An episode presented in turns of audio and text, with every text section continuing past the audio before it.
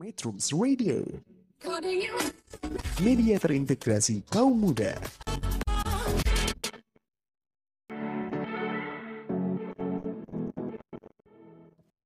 Selamat datang ke dunia legenda dan kepercayaan kuno suku Navajo.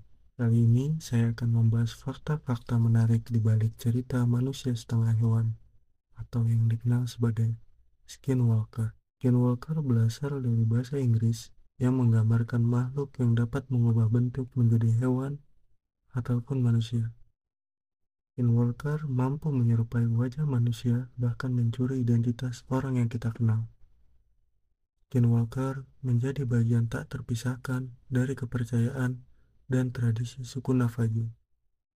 Namun, dalam budaya mereka, Skinwalker adalah sosok jahat dan menakutkan. Salah satu hal paling menarik tentang Skinwalker adalah kemampuannya yang dapat mengubah bentuk menjadi hewan ataupun manusia. Beberapa juga mampu mengubah suara mereka, menciptakan suasana yang mencekam. Skinwalker terkenal karena kemampuan berlari mereka yang luar biasa. Mereka dapat menyusuri padang pasir dan hutan dengan kecepatan yang mengagumkan. Selain kekuatan fisik, Skinwalker juga terkenal karena kemampuan mereka menciptakan ketakutan dan kengerian. Dalam cerita Navajo, Skinwalker dikatakan mampu menghipnotis dan mengendalikan pikiran orang lain.